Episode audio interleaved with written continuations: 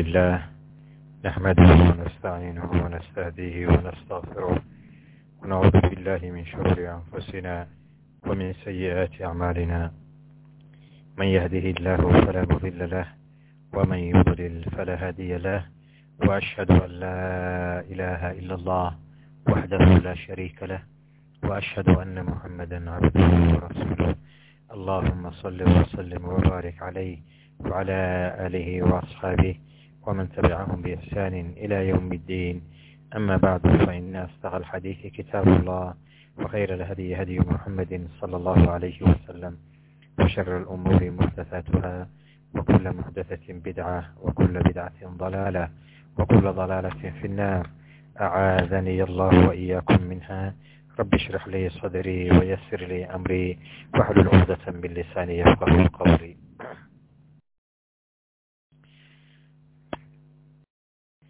قال الشيخ الإمام الحافظ الحجة أبو عبد الله محمد بن إسماعيل البخاري رحمه الله تعالى في كتابه الجامع المسند الصحيح من كتاب الحيض قال باب النوم مع الحائض وهي في ثيابها باب النوم لجيب سيغا لجيب صدو oo zawjkii uu la jiibsado maca alxaa'idi ay maca zawjatihi alxaa'id zawjadiisii xaa'idada ahayd ee xaydka qabtay wa hiya iyaduna fii hiyaabihaa dharkeedii ay ku dhex jirto.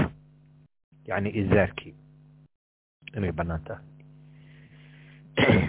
yani hadda wa iska caam yeelay baabu الnawmi maca alxaa'idi wahiya fi hiyaabihaa laakiin mas'aladu waxay ku wajahan tahay maa bayna azawji wa zawjatihi zawjkii inuu la jiifsan karo zawjadiisii iyadoo xaa'idahu xayd qabsa laakiin bishardi inay fii hiyaabihaa dharkeedii inay ku dhex jirto izaarkii hoose maa bayna surra warugba xudunta iyo jilbaha inta ka dhaxaysa inay asuran tahay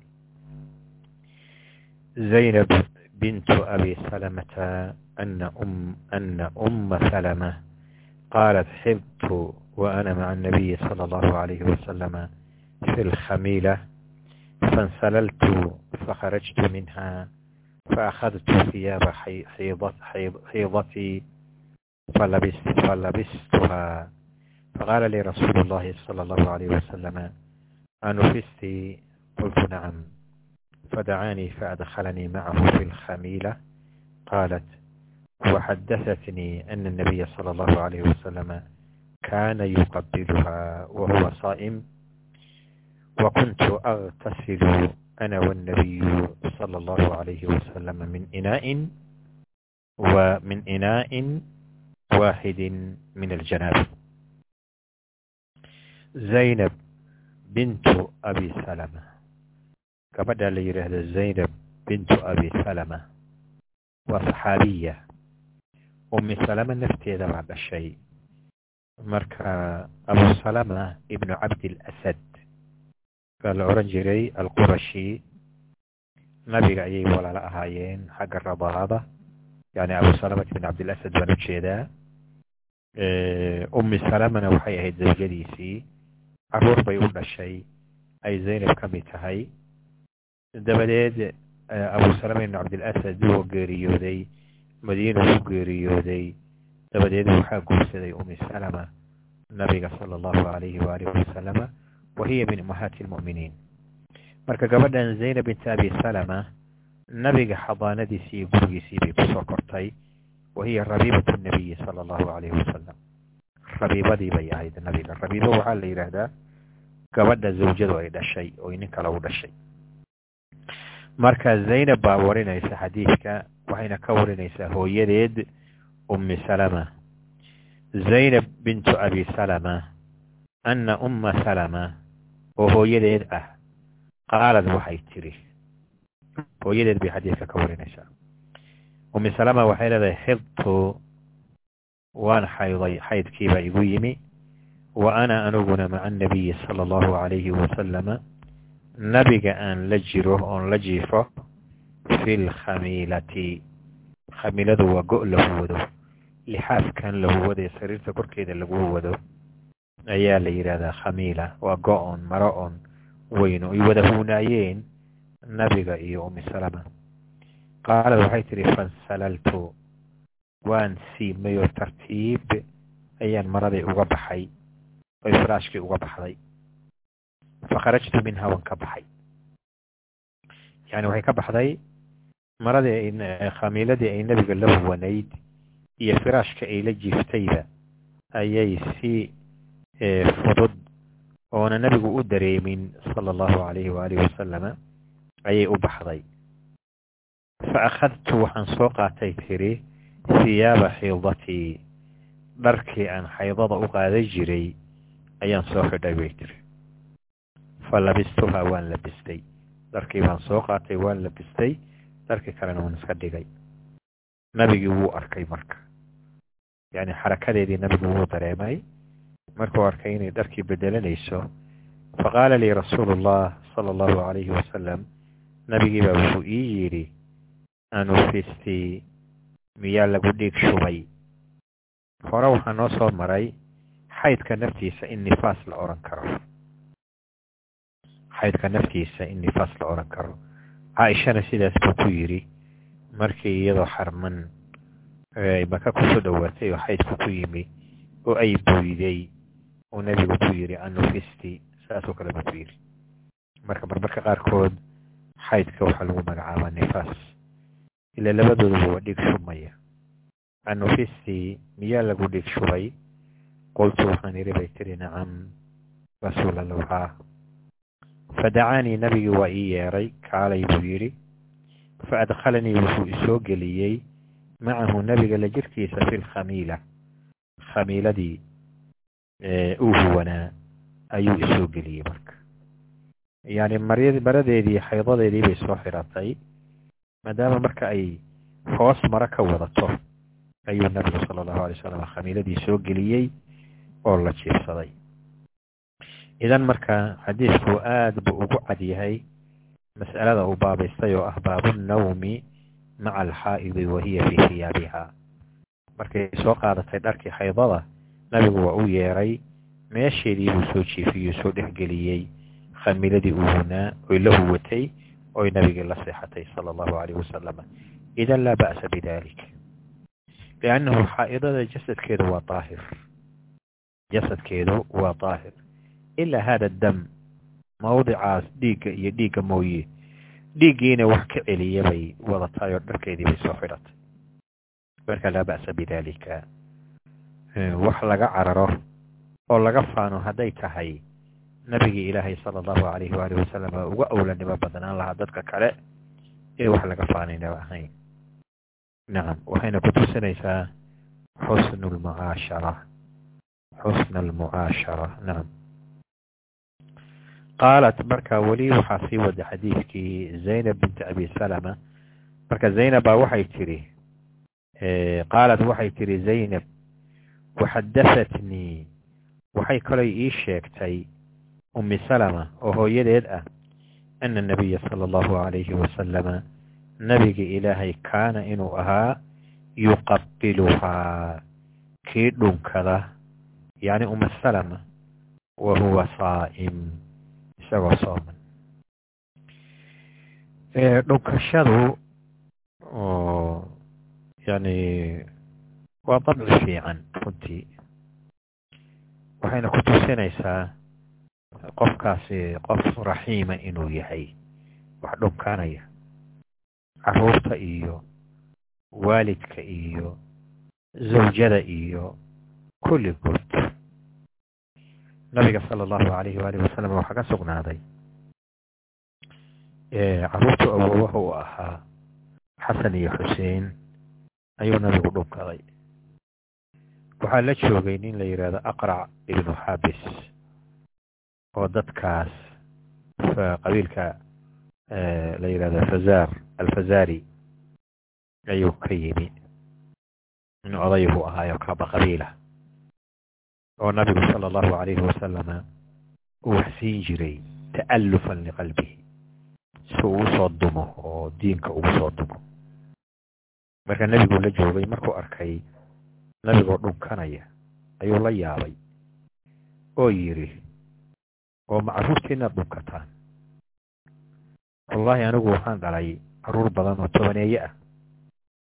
Weligeyna hal mida kama dhunkan buu yidhi marka nabigu waa eegay eegma la yaab leh. Markaasuu ku yidhi awa amliku laka muxuu ahaa awa amliku laka min allahi shay-an in kana allahu nadaca min qalbika araxma aw kama qaala sala allahu alayhi waalihi wasalam maxaan kuu hanan karaa anugu rabbi kaaga hanan karaa haddii ilaahay qalbigaaga naxariistii ka siibay carruurta iyo iyo zawjada iyo ceeb maaha ceeb maaha marka alqubla qublat zawja ceeb maaha haddii waaxida midda kale waxay ku dartay wahuwa saa'im nabigoo sooman. Oo qubladu soo soonka yeelayso. Maya iyadu liwaxdiha bixaddi daatiha waxba soonka ma yeelayso liannahu waa shay jaa-is ahoo mubaaxa ninku inuu zawjadiisa dhunkado marka iyado liwaxdiha lidaatiha soonka waxba ma yeelayso laakiin waxaa dhici karta qoblada iyo markay timaado. Waxyaalaha mucaamalada iyo mucaasharada ka horreeya oo muqadimaadkaabay ka mid tahay in markaa dhiiggiisu kululaado kolley waxaan ujeeda waad garanaysaa.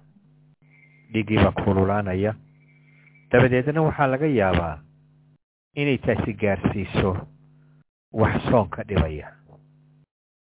Waliajli dalika caaisha waxay tidhi yani hadal ay ku diidan tahay huwa kaana amlakukum liirbihi. Nabigu wuxuu ahaa midka naftiisa iyo xaajadiisa in kugu hanan og. Marka nabigu sala allahu alayh wasalam makaanaduu joogay lama gaari karo. Waxaan iska nahay ducafaa. Haddii dhiiggu kululaado waxaa laga yaabaa inaan kuleylka aqbali kari weyno. Ee markaa meesha waysadu ku jabto soonkiina jabo marka qofkii isagu naftiisa hanan kara haah laakiin qofkii doqonahii daciif ah eana naftiisa qaban karin walaa siyama dhalinyarada inay ka fogaadaan baa habboon. Laakiin mas'aladu min xaysu alasli way bannaan tahay. Waliajli dalika ay leedahay inay u sheegtay umi salama gabadheeda kaana yuqabiluhaa wa saa'im. Masalo kaloo meesha imaanaysa yani ho maamo gabadheedii oo weliba gabar ah. Inay waxyaalaha uga sheekayso way tataxaasha wayna tahay waxyaalahaas oo kale ubadka yaryar iyo dhalinyarada yar inaan looga sheekayn. Laakiin hadda masale waxaa ku jirta cilmiya oo fiqhi ah oo diin ah. Shayga marka haddii mas'alo saasay ku jirto waa khasab in la sheego. Yani haba laga afgobadsado laakiin in la sheegayo waa khasab saasay ugu sheegaysaa marka gabadheedii. Waxay kalay tiri wa kuntu waxaan ahaa yani umi salama odhanaysa.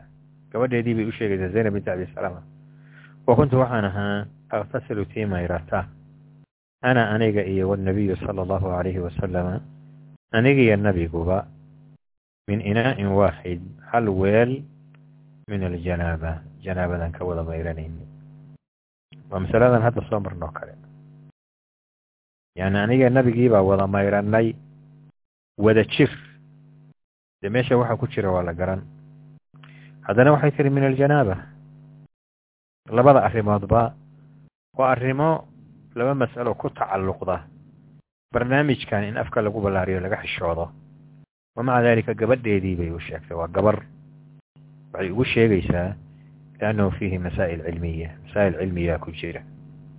Nacam baabu man ittakhada hiyaaba alxaydi siwa hiyaaba aduhri baabu man buu u baab yahay haweenka ka mida oo itakhada yeeshay samaystay hiyaaba alxaydi dhar ay xaydka u qaadato siwa hiyaaba tuhri ka bedelan dharka waktiga ay dahaarada ay qabto ay qaadato hadda laa ba'sa waktigan hadda maanta jira oo waxyaalo badan la fududeeyey. Gabdhuhu waxaa inay dharkii dahaaradaba iskaba qaataan. Uuna u nabad galo sababtete waxyaalo kaleeto waa qiyaadahoo dhowra. Oo dharkoodii inay waxgaaraan ka dhowra ayaa maanta mutawafira. Laakiin waagii hore ma jirin. Waagii hore ma jirin. Gabdho xaydku hadduu ku yimaado maraday qabto waa laabudda waa kii dhiigu gaaro marka de midii aan ayadu waagaasna de hore waktigu iyo noloshu waa iska adkay wax dhar badan heli karaahi waa iska yaraayeen. Maradeeda bay iska qabtaa laakiin markii xaydku ka dhammaado meelihii dhiigu gaaray ayay mayraysay waana isaga tukanaysay. Midii kaleeto iyadoo ilaahay u waasiciyey oo laba maro iyo wax lamida heli karta midna waxay u dhiga jirtay waktiga xaydka midna waxay u dhiga jirtay waktiga duhriga. Marka kuwa saasabuu baabkan u baabeeyey. Baabu man ittakhada ay min annisaa wixii samaystay oo haweenka ka mid ahaa muxuu samaystay? Hiyaab alxayd dhar xaydka u gooniya. Siwa hiyaaba duhri dahaarada waktiga daahirka qabaan dharka ay qaataan ka bedelan oo ka duwan umu salama waa umu salama binti umi salama umu nabiyi mxua zawju nabiyi umu lmu'miniina ahayd zawju nabiyi sala allahu alayh wasalam qaalad waxay tiri bayna ana maca anabiyi sala allahu alayh wasalam mudajicatun fi khamiilatin xiltu faاnsalaltu faأkhadtu ثiyaaba xaydatii faqaala anufisti faqultu nacam fadacaanii fadajactu macahu fi lkhamiila waa isla xadiidkii hadda aan soo marnay laftiisii laakiin bacd alalfaad ay ku kala duwan yihiin oo riwaayad kale ah umi salama qaalad waxay tidhi bayna waqti ana anugu maca anabiyi sala allahu alayhi wasalam nabiga la jirkiisa mudajacatun aan ahay mid jiifta nabigan la jiifay fii khamiilatin ay fii khamiilatin waaxida hal go un baanan wada hunayn ay ku wada jireen. Xidtu waan xayday xaydkiibaa igu yimi. Qaalad waxay tidhi fansalaltu. Waan siimay si ludfi ah oo xarako khafiifa ah si aanayna nabiga u dareensiin oo inan hurdada uga kicin. Fa akhadtu waan qaatay hiyaaba xaydatii dharkaygii xaydada aan u qaadan jiray hiyaaba xiidatii dheh xiidadayda dharka aan u qaadan jiray ayaan soo qaatay. Nabigu marka uu arkay faqaala wuxuu ku yidhi annufisti miyaa lagu dhiig shubay. Faqultu waxaan ku idhi bay tiri nacam haa fadacaanii markaabuu ii yeedhay fadajactu macahu markaabaanu la jiifsaday mar labaad fi lkhamiilati khamiiladii dhexdeedii xadiidkii hore riwaayadiisa hore lafdigiisu wuxuu ahaa fadacaanii faadkhalanii saasuu ahaa. Fadacaanii faadkhalanii macahu fi lkhamiila halkaana waxay cabirtay fadajactu macahu. Waa isku mid. Markuu nabigu soo geliyey way la seexatay nabiga way la jiifsatay salawaatu ullahi wasalaamuhu calayh. Marka lafdigan ay tiri faakhadtu hiyaaba xiidatii waxaan ka fahmaynaa inay dharkeedu laba qaybood u qaybsanaa dhar ay waktiga xaydka qaadato iyo dhar ay qaadato waktiga duhriga. Markay jiiftay waxay wadatay dharkii duhriga. Markii xaydkii ku yimidna dharkiibay bedelatay waxay soo qaadatay kii xaydada. Idan waa bannaan tahay marka. Gabadhu inay samaysato dharkeeda laba u qaybiso oo qaar waktigii xaydka qabta ay qaadatan uu jiro qaar ay qaadato markay daahirka tahay uu jirana laa ba'sa bidalik wax ma laha shuhuudi alxaa'idi alciidayni wa dacwat almuslimiin wayactazilna almusallaa baabu shuhuudi alxaa'id maaragta gabadha xaa'idada xaadiradeeda ay soo xaadirto alciidayni labada ciidood yani wuxuu u jeedaa ciid waciid waciid aladxaa buu u jeedaa ciid alfitri wa ciid aladxaa labadaas buu u jeedaa ciideynka marka waxay soo xaadiraysaa labada ciidood iyo wa dacwata almuslimiin. Muslimiinta ducadooda. Meeshii uun muslimiintu isugu yimaadaan. Oy ilaahay ku xusaan ay ku ducaystaan. Waa meel khayr badan. Lagama maqnaado marka. Ijtimaaca muslimiinta lagama maqnaado iyo majaalista cilmiga majaalista khayrka lagama maqnaado wayactazilna wayna ka fogaanayaan almusallaa musallaha lagu tukanayana waa ka fogaanayaan maxaa musalluhu wuxuu qabaa macna almasjid marka way ka fogaanayaanoo meel musallaha ka baxsan bay fadhiisanayaan laakiin way soo xaadireen muslimiintii salaadoodii salaadda lama tukanayaan ila gabar xaa'idaa salaadi ka ansixi mayso marka salaadii iyo ducadoodii iyo dikrigii kale ay wax ka xaadirayaan nacam xafsatu qaalat kuna namnacu cawaatiqana an yakhrujna fi lciidayn faqadimat imra'at fanazalat qasra bani خلف فحدثت عن أختها وكان زوج أختها غزا مع النبي صلى الله عليه وسلم ثنتي عشرة غزوة وكانت أختي معه في ست قالت كنا نداوي الكلمة ونقوب على المرضى فسألت أختي النبي صلى الله عليه وسلم على إحدانا بأس إذا لم يكن لها جلباب أن لا تخرج قال لتلبسها قال لتلبسها صاحبتها من جلبابها ولتشهد الخير ودعوة المسلمين فلما قدمت أم عطية سألتها أسمعت النبي صلى الله عليه وسلم؟ قالت بأبي نعم وكانت لا تذكر إلا قالت بأبي سمعته يقول يخرج يخرج العواتق وذوات الخدور أو العواتق ذوات الخدور والحيض وليشهدن الخير ودعوة المسلمين ويعتزل الحيض المصلى qaalat xafsatu faqultu alxuyad faqaalat alaysa tashhadu carafa wakada wakada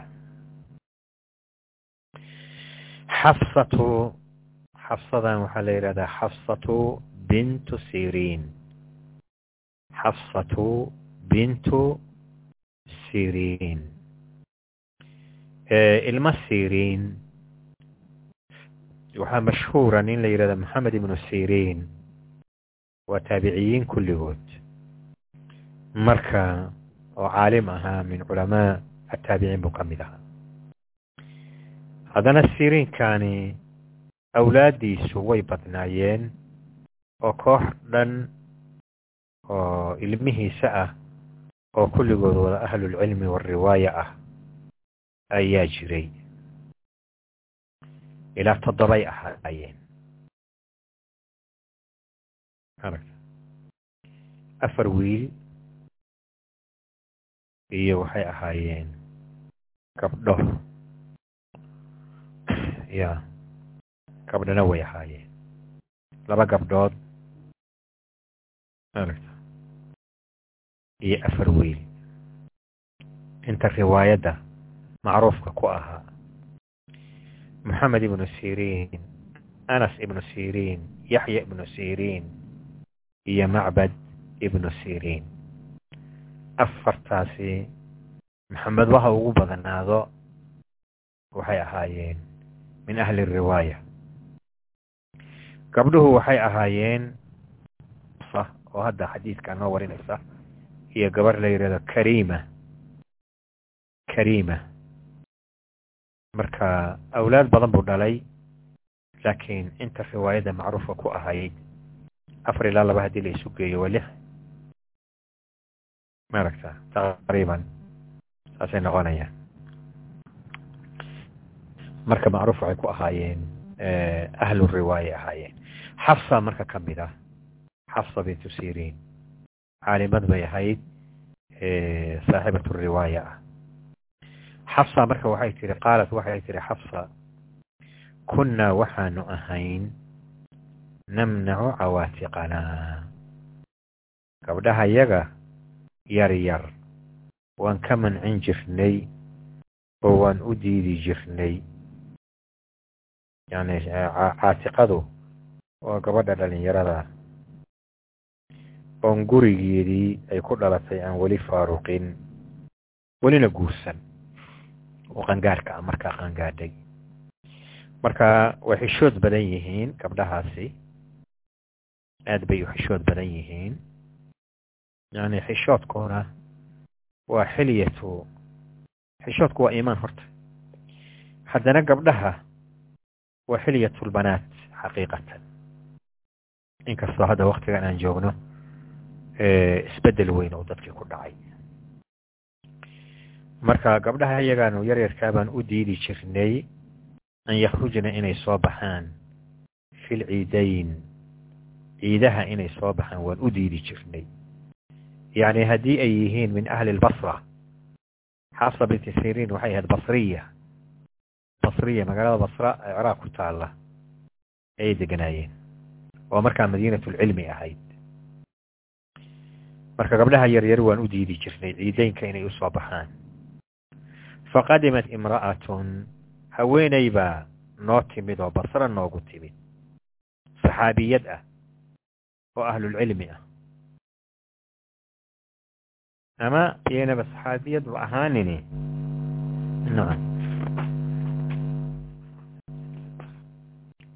adigu baa u timid oo madiine ka timid qofka ahlu cilmiga ah ee qariibka magaalada hadduu soo galo dadka magaalada degan oo dalabatulcilmiga way ku yaaci jireen. Si ay cilmi uga faa'iidaystaan. Marka haweeneydani markay soo gashay magaalada basra waxay tihi fa nazalad waxay degtay qasra bani khalafin. Nimanka banu khalaf la yidhaahdo daartooda bay degtay. Daar macruuf ah oo magaalada basre ku taallay ahayd. Markaas ay xadiidka sheegayso dadkay la hadlayso way yaqaaneen daartaas bay degtay way u tageen marka dalabatulcilmigii baa u tegey walaa siyamaa gabdhihii oo xafsa ka mid tahay marka xafsa warka wadatay waxay tihi faxadatat waxay nooga xadiisootay can ukhtihaa walaasheed gabar walaasheed oo saxaabiyad ah ayay xadiis nooga sheegtay gabadha saxaabiyada oo laga xadiisoonayo waa gabar la yidhahdo ummi catiya nusaybata binti alxaras nacam aw binti alxaaris binti aw binti kacbin dheh aw binti kacbin labadaas binti alxaras aw binti alkacb nusayba la ohan jiray ummi catiya waa macruuf axaadiisa waad ku arki doontaa xadiidkii janaazada ku saabsanaa gabdhaha siday janaazada u mayraan gabadhii noo wareysatay weeye nabiga nooga wareysay. Marka walaasheed bay nooga xadiisootay. Wa kaana wuxuuna ahaa zawju ukhtihaa gabadhan imaanaysay xadiidka u sheegaysaa walaasheed zawjka qabay wuxuu ahaa gazaa maca anabiyi sala allahu alayhi wasalama sintay casharata ghaswa zawjkeedu labi iyo toban duulaan ayuu nabiga la galay oo la duulay. Marka saxaabi labi iyo toban duulaan nabiga la galay yacni maa min mashhadin nabigu uu xaadiray oo mashaahid ulghaswi ah ilaa xadara macahu waa dadka yani waxa weeyaan mulaasamadooda iyo suxbadooda ay aada u dheerayd nabiga sala allahu alayhi waalihi wasalam waxaa jira wa kaanat ukhtii walaashayna waxay ahayd macahu maca zawjiha aw macahu maca anabiyi bay ahayd maca zawjihaa bay ahayd iyo maca anabiyi labadaba. Zawjkeeday la socotaa oo nabiga la socda iyo nabigiiba sala allahu alayh wasalam fii sittin laba-iyo tobankaa duulaan lix ka mid a. Yacni umi catiya kaanat takhruju fi lgazwi ninkeeday raaci jirtay iyo nabiga sala allahu alayh waali wasalama lix duulaan oo nabigu duulay ayay nabiga raacday sala allahu alayh wasalam qaalad waxay tihi walaashay bay tihi walaashay bay walaashay bay ka hadlaysaa walaashay ka hadlaysa waa umi catiya. Gabadhan marka xafsa ay qisada ka warinaysaah umi catiyay la dhalatay. Qaalad marka gabadhii umi cadiyo la dhalatay oo xafsa xadiidka u sheegaysabaa qaalada leh. Qaalad waxay tidhi yani umi cadiyo walaasheed baa odhanaysa. Yani qaalat yani umi cadiyay ka wadaa hadalka waxaa watay gabadhii umi cadiyo la dhalatay oo xafsa xadiidka u sheegaysay oo soo gashay basra. Gabadhii hadalkii wadatoo qaalat yani ay umi catiya bay u jeedaa umi catiya waxay tidhi markaanu nabiga raacnay oon duulaanka u raacnay kunnaa waxaanu ahay nudaawi lkalmaa dhaawacaan daaweyn jirnay. Wa naquumu cala almardaa kuwa jiranna waan sakaraadi jirnay iyo xaajaadkoodan uqumi jirnay. Yacni haweenku hadday dagaalka iyo duulaanka ay raacaan way raaci karaane. Shaqadoodu waa saan waa shaqo iscaaf iyo caafimaad. Dhaawaca iyo mardada unbay daaweyn jireen iyagu intay silaax qaataan oo hubka qaataan dagaalka may geli jirin. Kaasi raggu ku waajib yahay. Saasaan ahaan jirnay. Ajarkiina way la wanaagsadaan mujaahidiintii. Marka waxay tidhi fasa'alad ukhtii walaashaydaas nabiga xataa duulaamadii uu duulay lixda duulaan la socotay. Ee muslimiinta dhaawaca dhaawacanta wax ka daaweyn jirtay oo kuwa mardadahu jiran wax ka sakaraadi jirtay waxay weydiisay nabiga ilaa waa saxaabiyade acalaa ixdaana mid annaga naga midihi miyuu yahay iyada dusheeda ba'sun wax dhib ah? Idaa lam yakun laha jilbaabun. Haddaynay jilbaab lahayn an laa takhruja inaynaba bixinay gurigeeda iska fadhiso. Hal horta marka hore aan ogaano gabadha muslimadda ahi inay gurigeeda joogtaa u astur badan. Ilaahayna qur'aanka waa ku yidhi markuu la hadlayay haweenka nebiga haweenka nebiga wixii loo yidhina kuwa muslimiinta ahi waa la qabaane. Ilahay qur'aankiisa wuxuu ku yidhi waqarna fii buyuutikuna walaa tabarajna tabaruja aljaahiliyati اluulaa waaqimna asalaata waaatiina azakaata waaطicna allaha warasuula ya nisaa annabiyi aayadahaas suurat laxzaab ya ya nisaa annabiyi lastuna kaaxadi min annisaa in itaqaytuna falaa takhdacna bilqawli fayadmaca aladii fii qalbihi maradun marta aayadahaas marka waxaa ku jiray waqarna fii buyuutikuna walaa tabarajna tabaruja aljaahiliyati اluulaa guryihiina joogo haweenkii jaahiliyadii siday yeeli jireen oy u bixi jireen iyagoo saafiraad ah tabarujku waa saas saafiraad ah oo badeecadoodii iyo quruxdoodii bannaanka taallo ha u bixinina. Yacni saasa horta u wanaagsan oo haweenka al aslu fi nnisaa'i assitru haweenka sitriga iyo asturka ba asal u ah. Oo ilaahayna la jecel yahay runtii waana wax wanaagsan. Guriga ku xabisnow lama odhanayee way bixi laakiin markay baxayso waa inaynan tabaruj ku bixine iyadoo muxajabo ah ay baxdo. Waxyaalaha gariibka ah nin waxaa jiray dhakhtar ahaa waa la iiga sheegay dhakhtar buu ahaa. Waana nin wadaadaho daaciya buu ahaa.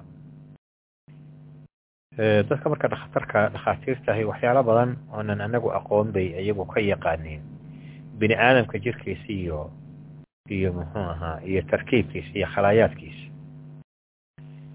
marka aayadaha xijaabka ka ka hadlaya ayuu jawaab ka bixinayay.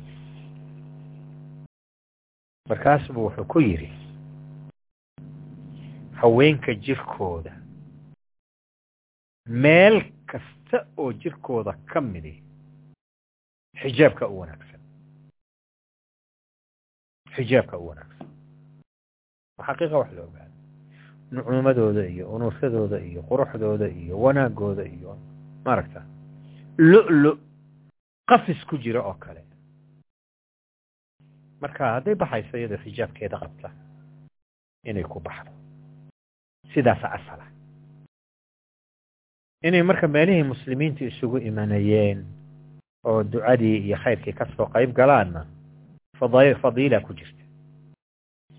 Marka su'aashaasay nebiga weydiiso waxay tidhi mid annaga naga mid yahay haddaynan jilbaab qabin. Inay gurigeeda iska joogto.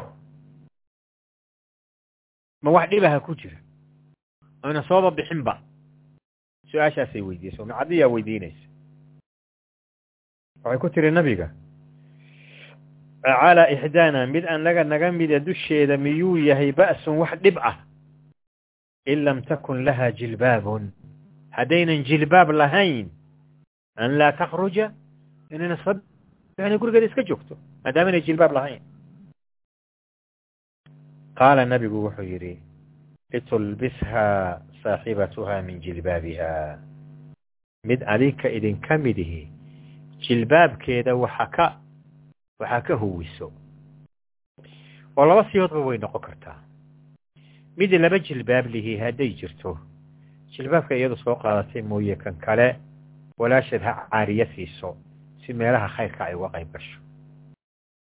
Haddii kale midii jilbaabkeeda uu waasac yahay jilbaabkeeda iyaduna baalka ha geliso ha la jilbaabsato.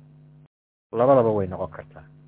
Litulbishaa saaxibatuha min jilbaabiha alkhayra wa dacwat almuslimiin khayrka iyo muslimiinta ducadoodana ha soo xaadirto haddii taa la waayo way isaga khasban tahay marka inay gurigeeda iska fadhiso ila looma ogolo biduuni jilbaab inay baxdeen laakiin khayrka waa la soo xaadiraa meelaha khayrka muslimiinta isugu yimaadaan sida ciidahoo kale iyo majaalista wacdiga waa la soo xaadiraa intaasaa marka gabadhaasi u sheegtay. Muddo ka bacdi ayaa umi cadiyadii xadiidka laga warinayey ayaa timid. Oo mar labaad iyaduna timid basra. Xafsa binti siriin waxay jeclaatay marka xadiidkii looga sheegay inay ka hubsato iyada. Marka waxay tihi falama qadimat ummu catiya ummu catiya markay timid oo basre ay soo gashay ayaan u tegay tiri sa'altuhaa waan weydiiyey xadiidkeena la kaga sheegay ayaan ummi cadiyadii nafteedii weydiiyey oo waxaan ku idhi bay tidhi asamicti annabiya sala allahu alayhi wasalama nabiga miyaad maqashay maaragta inuu sidaa iyo sidaa iyo sidaa iyo sidaa yidhi xadiidkii looga sheegay ku dul akris qaalad waxay tihi ummi catiya iyadoo jawaabaysa biabii nacam aabbahay baan nabiga ku furanayaaye waa nacam waan ka maqlay xadiidkaas xadiidka idin soo gaadhay ee aniga la iga sheegay inaan nabiga ka maqlay waa sax. Biabi yani nabigay u jeedaa. Aabbahay baan ku furanayaaye nacam bay tiri. Waan ka maqlay. Xafsa hadalkeedii sii wadatee qaalad xafsa wa kaanad waxay ahayd bay tiri ummi catiya laa tadkuruhu midaan nabiga sheegin ilaa qaalat biabi saasay dhihi jirtay saasay dhihi jirtay saxaabadoo dhan baana saas ahaa biabi anta biabi biabi anta ya ras biabi anta wa ummi ya rasuul allah saasay dhihi jireen aabbahay iyo hooyaday baan kugu furan rasuul allow marka ummi catiya nabigaba ma sheegi jirin sala allahu alayhi waalihi wasalam ilaa hadday magaciisa sheegto biabi bay ku dari jirtay. Marka intaas wa kaanat ilaa biabida laga soo gaaro waa jumla muctarida oo min kalaami xafsa ah xafse kalaamkeedii ah. Oy xaaladda iyo siday ahaan jirtay ummi cadiye ay kaga warramayso laakiin hadalkii ummi cadiye markaan gadaal ugu laabano jawaabteedii qaalat biabii nacam markay tidhi nacam keliya kuma gaabsana waxay tidhi samictuhu nacam iyo samictudaasaa isku isku isla socda oo min hadalkii ah umi catiya ama jumladan wakanat laa tadkuruhu ila qaalat biabi waa jumla muctarida oo min kalaami xafsa ah oo ay ka warramayso xaaladda umi catiya inaynan ka tegi jirin kelimada biabi haddayba nabiga sheegto. Ayib marka waxay tidhi biabi nacam samictuhu waan maqlay. Yaquulu isagoo odhanaya yakruju alcawaatiq cawaatiqdu gabdhaha yaryar oo dawaati alkhuduur khudrigu waxa weeyaan waa meel yaroo qol yar ah oo oo guriga dhexdiisa ah. Qol yaroo guriga dhexdiisa ah wey oo gabdhuhu galaan. Xataa aabbaheed iyo walaalaheed bay ka xishoonaysaa. Waayihii hore de guryahan tirada badan iyo qolalkan tirada badan oo lagu kala asturan yahayna ma jirine? Waxaa laga yaabaa qoyska dhani inay hal qol keliyaba lahaayeen oo la wada seexan jiray. Marka meel yar baa loo xidhaa af soomaaliga gandoob iyo ilxidh iyo magacyo saasoo kale buu leeyahy meel baa loo xidhaa khidrigu marka waa kaas. Yakruju alcawaatiqu hablaha yaryar oo dawaati alkhuduuri ah. Khidriga kuwa ku jira ah. Halka ku qarsoon. Ayaa ayuu yidhi ha soo bixin. Marka aw ilcawaatiqu dawaati alkhuduur yani fi marka jumlada hore alcawaatiqu wa dawaati alkhuduur waa cadfi waa la isku cadfay waa cadfu nasaq baa la yidhahdaa kaas. Halkaana alcawaatiqu dawaatu alkhuduur waa cadfu bedel. Waa laga bedelay. Alcawaatiqu baa soo baxaya. Dawaatu alkhuduuri baa soo baxaya. Waa isku mid marka. Waa isku mid. Kuwaasi way soo baxayaan. Waalxuyadu kuwa xaydka qabana way soo baxayaan. Ha soo bixeen waliyashhadna ha xaadireen alkhayra khayrka ha xaadireen iyo wa dacwata almuslimiin iyo muslimiinta baryahooda ha xaadireen sidaas asagoo leh ayaan maqlay saasay ku jawaabtay umi catiya markaasay haddana waxay ku dartay wayactazilu lxuyadu lmusallaa laakiin xuyadku musallaha way ka fogaanayaan waxaa gariib ku noqday marka xafsa xaa'idadii baa soo baxaysa oo soo xaadiraysa. Meel cibaado lagu hayabaa gariib ku noqday. Markaasay markaasay ku tidhi qaalat xafsatu xafsa waxay tidhi faqultu waxaan idhi bay tidhi alxuyad waa istifhaam waana la madaya mad dheer baa la saarayaa alxuyad ma xuyadka ma kuwa xaydka qaba miyaa iyaguna soo baxaya? Way la yaabtay. Faqaalad waxay tidhi umi catiya ku jawaabtay alaysa tashhadu carafata wakada wakada oo miyaynan ahayn mid carafa xaadirta oo musdelifo barisa oo mino degta oo jabaraadka tuurata oo intuba ay ka ansaxayaan adugu hadda waxaad la yaabaysaa inay soo xaadireen meel wacdi iyo duco lagu hayo oy ducadoodana wax ka aaminsadaan. Maaragta khayrkana ay soo xaadiraan. Ila muslimiintu meeshay isugu yimaadana ilahay ku baryana ku istikfaaranayaan ilaahay naxariistiisa iyo dambi ku soo dega. Waxa meesha joogo dhan waa camima. Khayrkaasay soo xaadireen. Adigu taasaad la yaabee maaragta inay iyadoo xarman xaj xarman ay carafo joogsato oy musdelifo soo badhiso oy mino timaado jabaraadkii tuurato oo mino weliba degto oy ka wada ansaxayaan. Aragta. Marka hala yaabin ba layi marka. Hala yaabin. Nacam idan marka way bannaan tahay marka xuyadkii iyo wixii la midka ahaa inay soo xaadiraan ciideynka iyo dacwada muslimiinta iyo khayrka meesha lagu hayo iyo meelaha muxaadaraadka lagu bixiyo iyo majaalista cilmiga inay soo xaadiraan way bannaan tahay. Meelaha munkarka lagu hayana waa laga fogaadaa. Meelaha daacada lagu hayana waa waa la soo xaadiraa.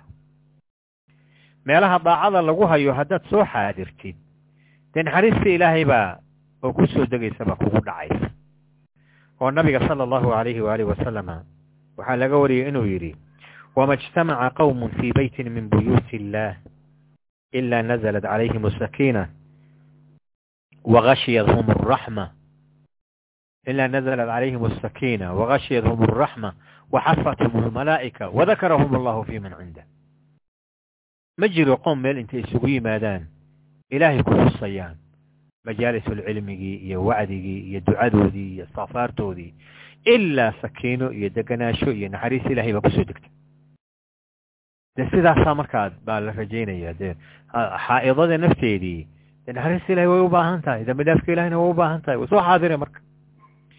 Laakiin meesha macsida lagu hayo macsida alle lagu hayo waxaad dhici karta inay caradii ilaahay ku soo degto oo adoo la jooga caradii ilahay kugula dhacdo marka waa laga cararaa. Meelaha munkarka lagu hayana waa laga fogaadaa. Meelaha khayrka lagu hayana waa lagu dadaalaa in la yimaado oo la soo xaadiro. Nacam baabu idaa xaadad fi shahrin halaata xiyad xoogaa marka waxa weeyaan waktiga aada iyo aada igu yar maqribkiina waa nagu dhow yahay. Casharna masaajidkan ku lahaa. Oo masaajidka inaan sii socdaan u baahnaan doonaa.